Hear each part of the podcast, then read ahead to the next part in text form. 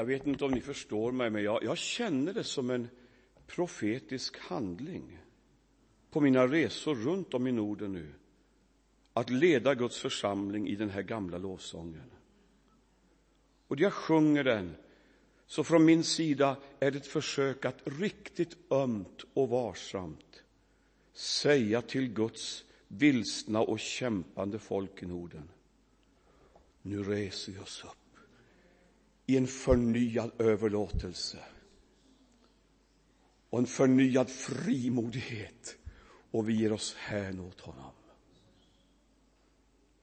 Sverige och Norden behöver en församling som kan säga med verklig klangbotten i orden, jag vet på vem jag tror. Jag talade på ett seminarium igår om vad det, vad det står om en evangelist som hette Filippus. Han kom till staden och predikade Kristus för folket där. Inte bara talade om honom, han gav liksom Kristus till människorna. Han predikade Kristus. Och det är min hälsning till den här kyrkan. Slarva inte och låt inte ytlighet och annat fördärva det där genuina. Var noga med att alltid lyfta upp Jesu namn. Så det får vara en doft av helighet då människor kommer nära här. Gud välsigne er. Mår ni bra? Hur är det med dig? Jag kände jag vill fråga dig, hur är det med dig? Jag vet ju vad livet kan bjuda på ibland. Och det kan vara kampfyllt och tufft på många sätt. Hur är det med dig? Vet ni vad, förra helgen var jag på en underbar bönekonferens uppe i Dalarna. Och så gästade jag en församling, det är missionsförsamling och pingsförsamling som har gått samman. Det är väldigt mycket unga familjer. Och så fort det är bön och lovsång, då är alla de där unga familjerna med. Och deras barn börjar komma och älskar den atmosfären. Det är faktiskt väldigt starkt. Och så har de valt en ny ordförande, en ung kvinna, ungefär 35 år. hon hade bett så mycket till Gud innan hon vågade svara ja. Och då hon svarade ja, då fick hon tre ord. Och de gav hon till församlingen medan tårarna rann ut för hennes kinder. Jag har fått tre ord, sa hon. Uppåt, utåt, framåt. Och jag har känt att jag ska predika mycket över de tre orden framöver till Guds folk i Norden. Uppåt, utåt, framåt. Uppåt. Jag minns en ungdomsväckelse. Och jag kan höra sången från de där kvällarna. Då vi satt i stora ringar och ingen ville gå hem från mötena. Och så sjöng vi varenda kväll i många, många veckor. Se på Jesus. Jag vill lyfta min blick och se honom sådan han är. Tänk om den längtan riktigt fick ta tag i kristenheten. Jag vill lyfta min blick och se honom så som han är. Jag vet inte varför, men eh, så att säga innan jag går till den text jag ska tala lite över, så känner jag att jag har ett budskap till någon. Jag vill säga till dig, det är dags nu att du lyfter blicken lite mer. Du har lurats och fångats.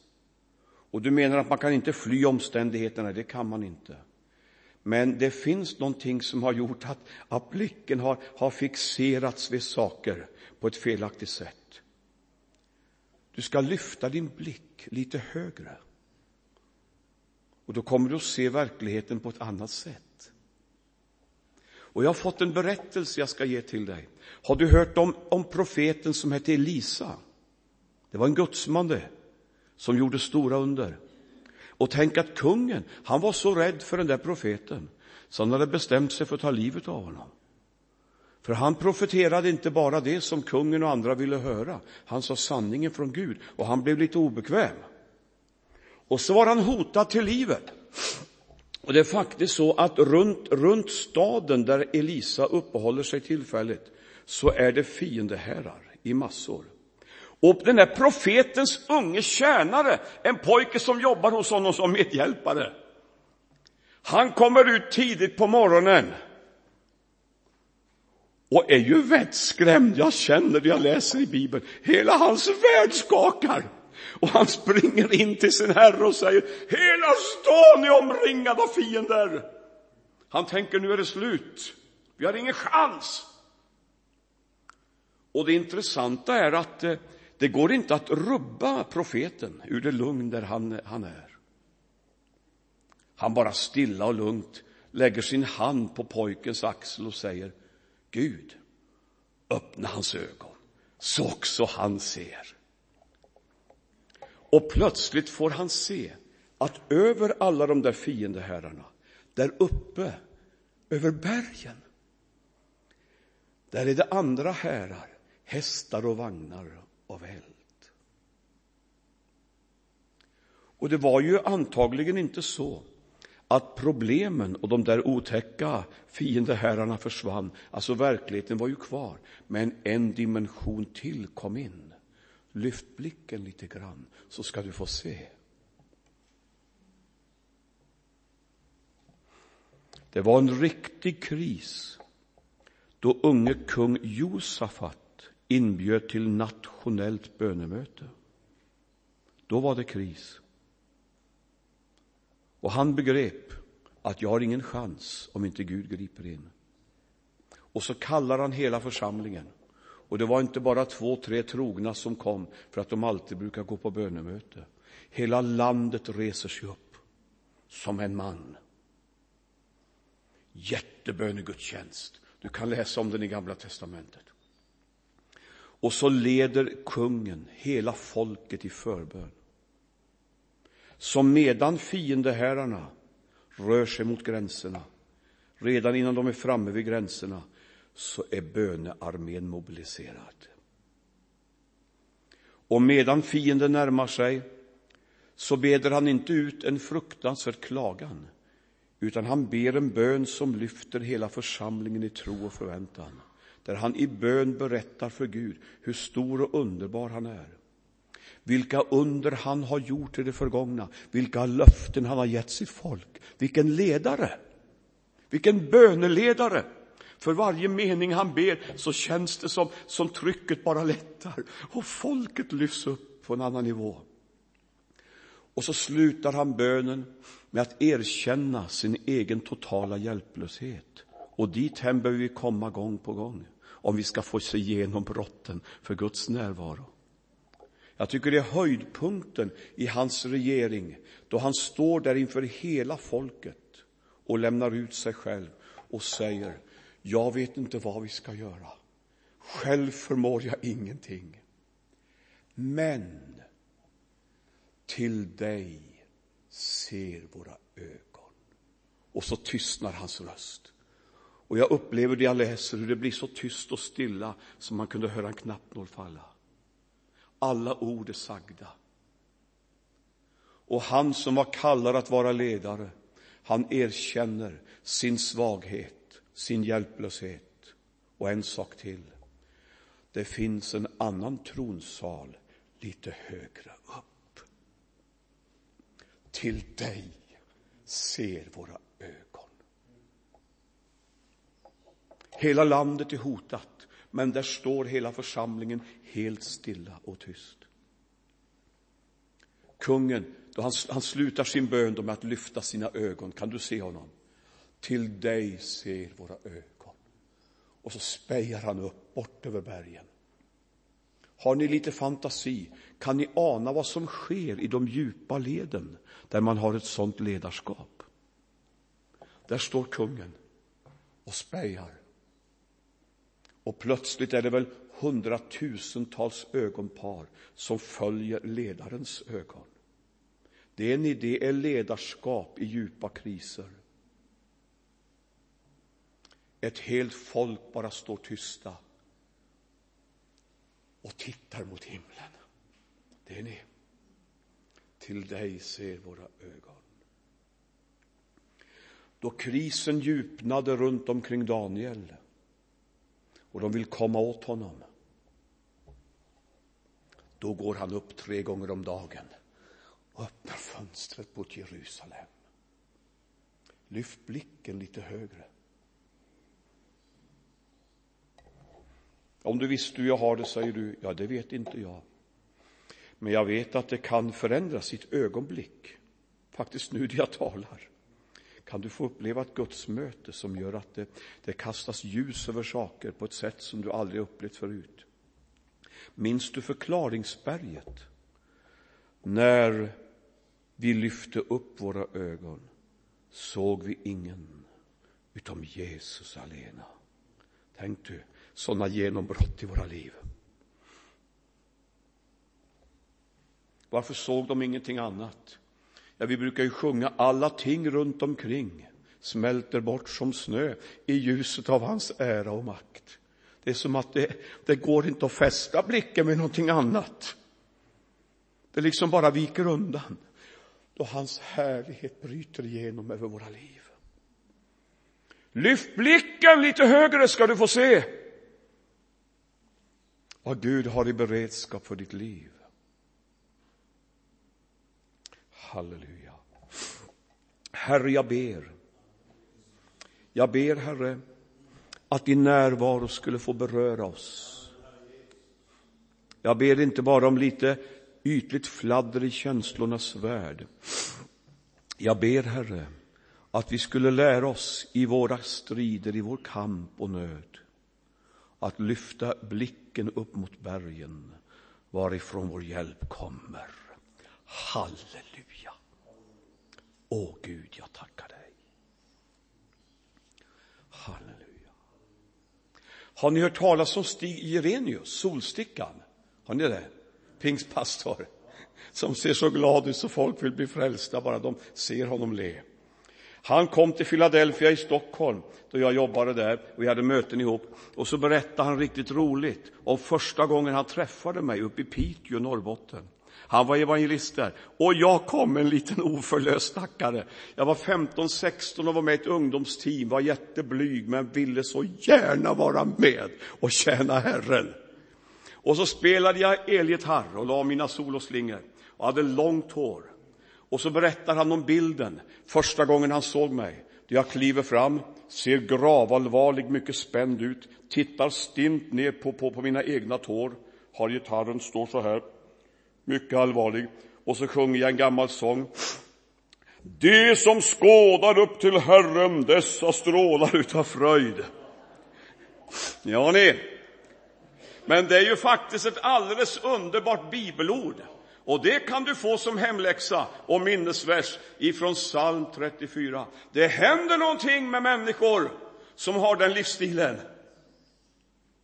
De strålar av fröjd. Gud välsigne er allihopa. Nu vill jag läsa ett ord som knyter an mycket starkt till påsken. Och det Jesus gjorde, det som skedde där. Romarbrevet kapitel 8 och vers 1. Romarbrevet kapitel 8 och vers 1.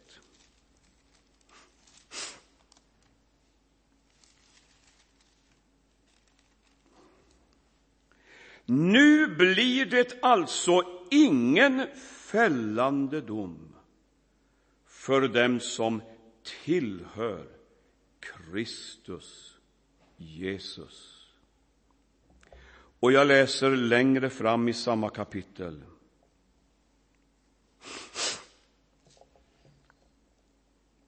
Vad innebär nu detta? Om Gud är för oss, vem kan då vara mot oss? Han som inte skonade sin egen son, utan utlämnade honom för att hjälpa oss alla. Varför skall han inte skänka oss allt med honom? Vem kan anklaga Guds utvalda? Gud frikänner. Vem kan då fälla? Kristus är den som har dött och därtill den som har uppväckts och sitter på Guds högra sida och manar gott för oss. Amen. Där slår jag samman Bibeln. Och så tänkte jag ta er med till Jerusalem en tidig morgon. Det är dagen efter en stor, stor konferens. En av de stora högtiderna. Lövhyddohögtiden. Folk har varit i, i rörelse, lovsången har brusat. Och så är det dagen efter. Jesus finns kvar i Jerusalem och där i tidig morgontimma så sitter han uppe vid en av portarna, ingångarna till templet. Och människor samlas runt omkring. Jag kan uppleva vilken frid och stillhet det är. Och han talar med dem, undervisar om sitt rike. Plötsligt, i morgonen, i morgonens stillhet, så hörs ett fasansfullt ångestladdat skrik nerifrån en av gränderna. Och vet ni vad som händer? Det är en liten trasig människospillra som flyr för att om möjligt rädda sitt liv. Hon är jagad. Och jag vet inte om det var så, men i min fantasi så har de där herremännen som jagar henne vassa, tunga stenar i sina händer.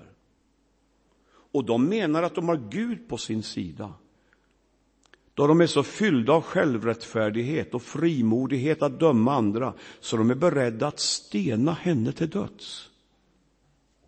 De är väldigt religiösa. De tillhör nog den mest bibelsprängda kyrkan i stan. Jo, jag tackar jag. De kunde hela sin bibel utan till, men hjärtat verkar iskallt. Och så menar de att de har bevis för att den här kvinnan har levt ett oanständigt och felaktigt liv. De hävdar att det finns bevis, kanske de har lyssnat på massor med skvaller, vad vet jag. De hävdar att det finns bevis för att hon är en äktenskapsbryterska. Och så menar de att vi har Guds lag på vår sida. Hon har förverkat rätten att leva. Och så springer hon där. Jag kan höra de där skriken. Hon är vettskrämd. Hjärtat bultar. Hon håller på att stupa där i vägdammet. Hon försöker fly undan och ändå vet hon, även om resten av min stund på jorden ska vara ett flyktförsök, så kan jag aldrig springa ifrån mina felsteg och missgärningar. De förföljer mig. Och så händer det märkliga att den, den där, den där avrättningsplutonen med den här vettskrämda lilla människan framför sig. Deras väg, den korsar Jesu väg uppe vid templet. Och så kommer de infarande rakt på Jesusmötet, har ingen respekt för mötesfriden där inte. Och så får man ett fruktansvärt olustigt exempel på hur dubbelmoralen kan spela med människor. Plötsligt ser de ett gyllene tillfälle, för de har längtat efter att sätta dit Jesus. Och nu ser de en chans att använda den här kvinnans felsteg och använda dem som ett vapen mot Jesus för att lyncha honom. Tänk hur dubbelbottnat det kan bli. Och så sparkar de väl in henne där hon ligger antagligen som i chocktillstånd där i dammet och de står runt omkring där med sina vassa stenar och pratar så det står väl fradga i mungiporna skulle jag tro. Där de ska beskriva för Jesus och alla som vill höra på vilket liv hon har levat, hur misslyckad hon är, hur värd hon är att dömas. Och de radar upp där och citerar vad det står i lagen. Ja, du vet ju vad Mose lag säger och så vidare. Men vad säger nu du? Och jag känner då de uttalar det att de, de tycker sig ha ett väldigt övertag. Känslan hos dem är nog att nu drar vi åt tumskruven och gör honom svarslös. Vad säger nu du? Och för några ögonblick verkade det nästan som Jesus var svarslös. Har ni läst det här någon gång? I Johannes evangelium kapitel 8. Jesus går inte i dialog eller diskussion. Han säger ingenting. Men så plötsligt böjer han sig ner så djupt så han får sitt finger i sanden. Och så börjar han skriva. Jag undrar vad han skrev. Vet du det? Nej, jag undrar vad han skrev. Ibland har jag tänkt så här.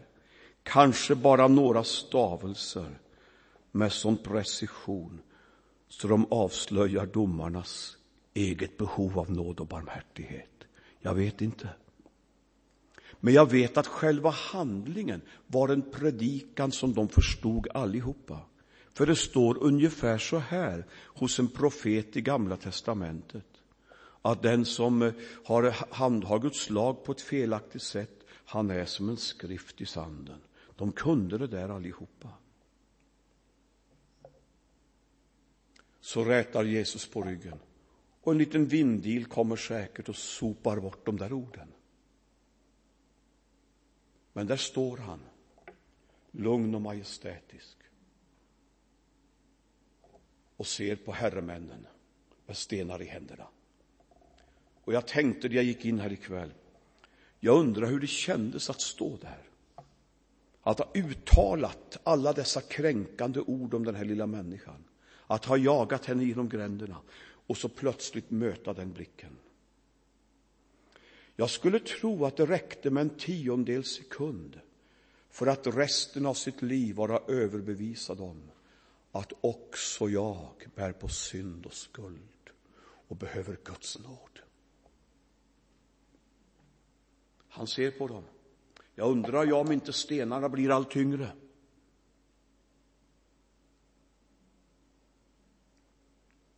Och så säger han någonting otroligt. Den som är utan synd kan kasta första sten. Varsågod. Varsågod. Verkställ ert smutsiga hantverk om ni har frimodighet till det. Den syndfrie kan börja. Varsågod.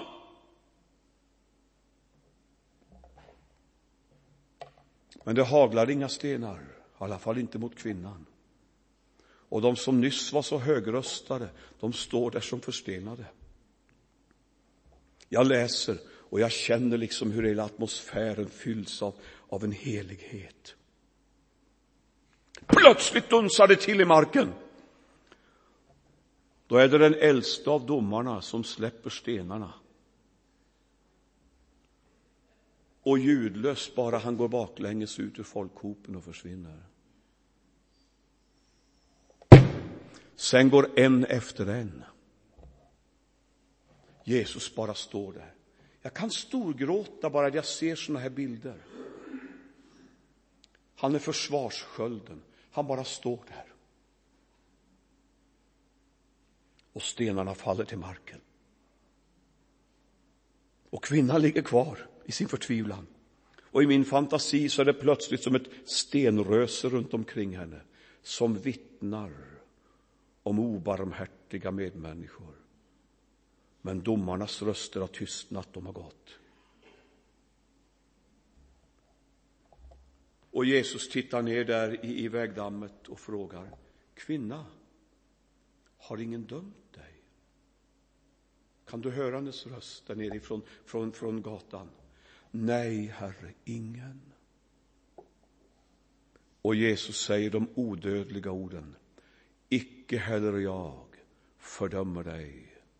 Gå i frid och synda inte härefter. Jag ska uttala dem, jag ska citera dem en gång till. Och jag bara vet att det finns några här som kommer att vakna i, i, i tidigt imorgon och ha de där orden inom sig. Det finns någon här som kommer att bära med sig de orden in i någonting som, som väntar på dig av prövning och kamp. Icke heller jag fördömer dig. Gå i frid och synda inte härefter.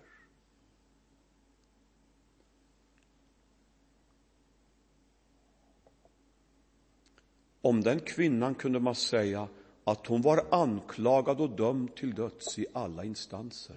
Det fanns inget hopp, det fanns ingen ljusning någonstans.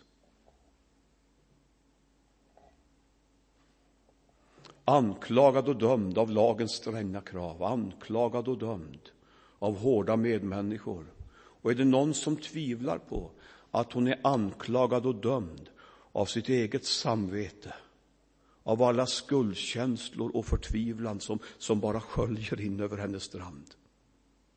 Men plötsligt står han där som en försvarssköld och stenarna faller till marken och domarnas röster tystnar. Och han bjuder frid och bara stilla och värdigt öppnar porten till en helt ny fas i hennes liv. Gå i frid och synda inte härefter. Frågan är bara, hur kunde Jesus säga så? Jag dömer inte. Har du funderat på det? Är det någon här som anser att Jesus tar det lätt med synden och det som är orättfärdigt? Tycker ni att ni uppfattar honom så när ni läser Bibeln? Att han har en glättig framtoning, ytlig och rycker på axlarna och småskrattar och säger det spelar ingen roll hur du lever, det ordnar sig säkert ändå. Är det någon som har uppfattat att Jesus har den framtoningen? Det räcker väl att läsa en halv mening i bergspredikan så känner vi ju att hans ord är som ett svärd som går genom vårt inre och det dömer sannerligen våra hjärtan. Hur kan han säga, jag fördömer dig inte? Han sa ju, den som är utan synd kan kasta första sten. Jag känner bara en som har trampat den här sargade världen under sina fötter, som har varit alltigenom ren och helig och syndfri. Men i hans händer inga stenar. Från de händerna flödar barmhärtighet. Hur kunde han säga så här? Ja, då han ser den kvinnan, hon, hon, han möter henne på sin väg mot korset. Och det är klart, alla de här berättelserna vi har i evangelierna, det är ju, det är ju profetiska handlingar. Då han talar ut om orden så flödar ljuset fram emot korset som ska resas. Du lilla människa, också din brustenhet och din ångest och känsla av orenhet ska jag bära i min kropp upp på korsets träd. Jag har rätt att tillsäga dig frihet. Kom inte till mig och säg att Jesus tar det lätt med synden. Han dör för den. Han dör för den. Han går i döden för att köpa vår frihet med sitt blod. Får jag bara ta en bild till slut här? Nu blir det ingen fällande dom. Får jag ta en bild? Vi går till, till tinget. Har ni så goda nerver så ni vågar gå med på en rättegång? Och då skulle jag vilja bara måla bilden. Uppe på, på podiet, där sitter den ende som har rätt att döma. Den rättfärdige domaren, det är Jesus själv. Och bredvid honom står en åklagare. Det är djävulen. Och så kallas en liten människa fram till skranket. Det är den här lilla kvinnan från Johannes 8. Jag kan se då hon darrande, skakande går fram. Hon vågar inte lyfta sin blick. Hon försöker liksom att, göra sig nästan osynlig. Och så står hon där. Kan knappt andas. Det är säkert tryck över bröstet. Då åklagaren börjar veckla ut sina väldiga listor. Och det känns som det aldrig tar slut. Det är ändlöst med anklagelser. Och hon darrar som ett asplöv och hon vet att världens bästa advokater kan aldrig rädda mig. Det är sant, det är sant, det är sant. Och då han äntligen har läst slut sin långa anklagningslista, eh, då kallas näste fram. Och det är lite svårt att tala om det här, men eh, det var frikyrkopastor Ingemar Hellner i oklanderlig mörk kostym som kallas fram. Och jag blir stående bredvid den här lilla spillran som darrar och skakar. Nu ska vi se, säger åklagaren och letar fram. Ja, det känns som den anklagelselistan är dubbelt så lång. Den handlar om uppsåt och motiv, allt som kan rymma sitt människohjärta. Och jag känner hur hela mitt liv badar i sanningens ljus. Jag skakar och darrar.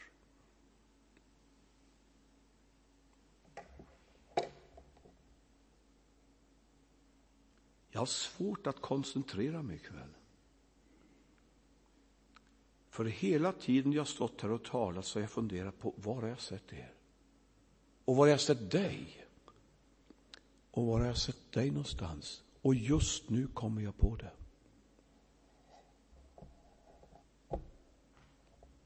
Vi stod på rad allihopa. Jag ska bara säga dig, du som försöker vara lite märkvärdig ibland. Då vi står inför den domaren, då är det inte hög eller låg.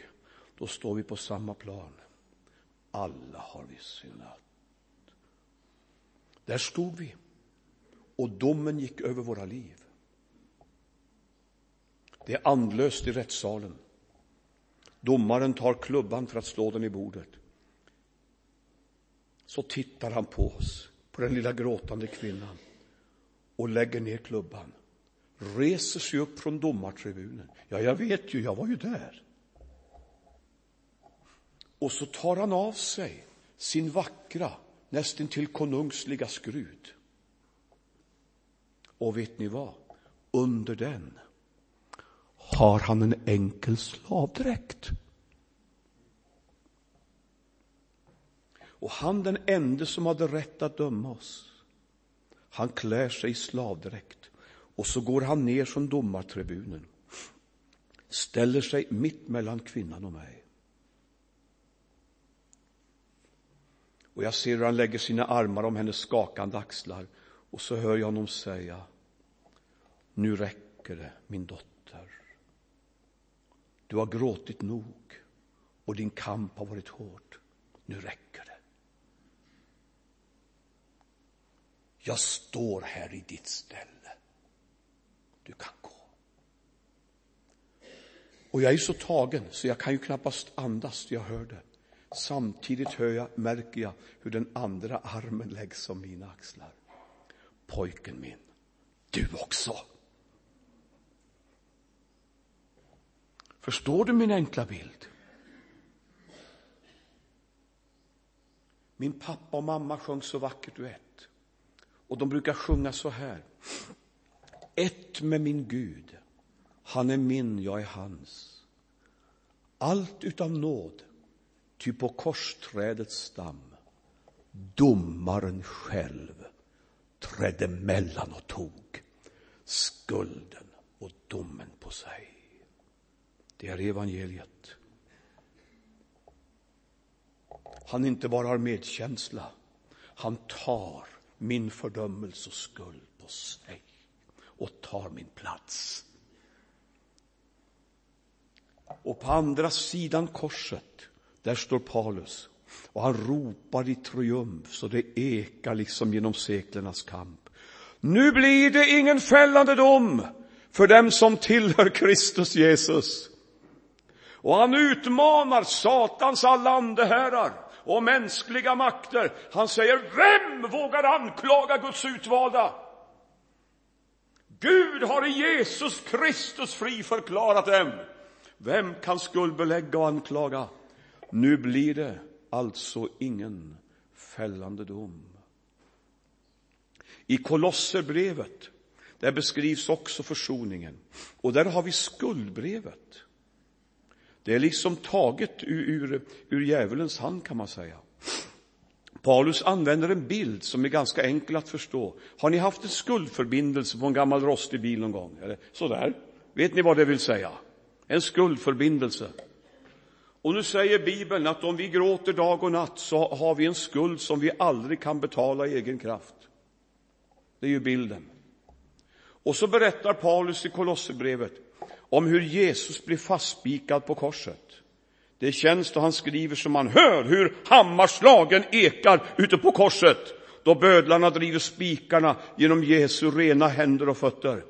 Och plötsligt, då Paulus ser den bilden av den korsfäste blödande, då förändras hela bilden. Och där Jesu kropp hänger blödande, där ser han istället skuldbrevet och han säger, det är skuldbrevet som blev fastnaglat. Vilken bild i Bibeln på det teologerna kallar det ställföreträdande lidandet. Han identifierar sig med min synd och skuld. Och så säger Paulus, på det sättet drog Gud ett streck över skuldbrevet. Alltså det blir ogiltigt. Det är ingen som kan kräva skulden längre.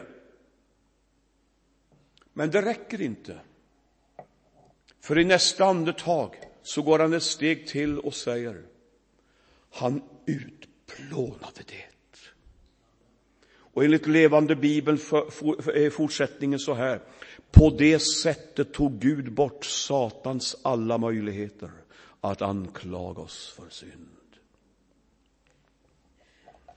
Vilken tur, vilken underbar nåd, vilken barmhärtighet att inte skuldbrevet är kvar.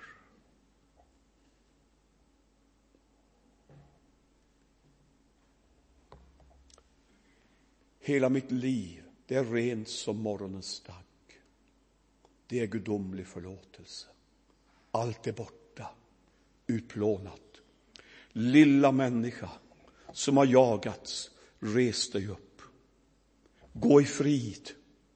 Gå i frid. Gå i seger och renhet. Synda inte mer. Och vad underbart det är att studera Jesus och känna dessa vågor av kärlek som, som flödar fram när han är nära. Nu ska vi böja våra huvuden i bön.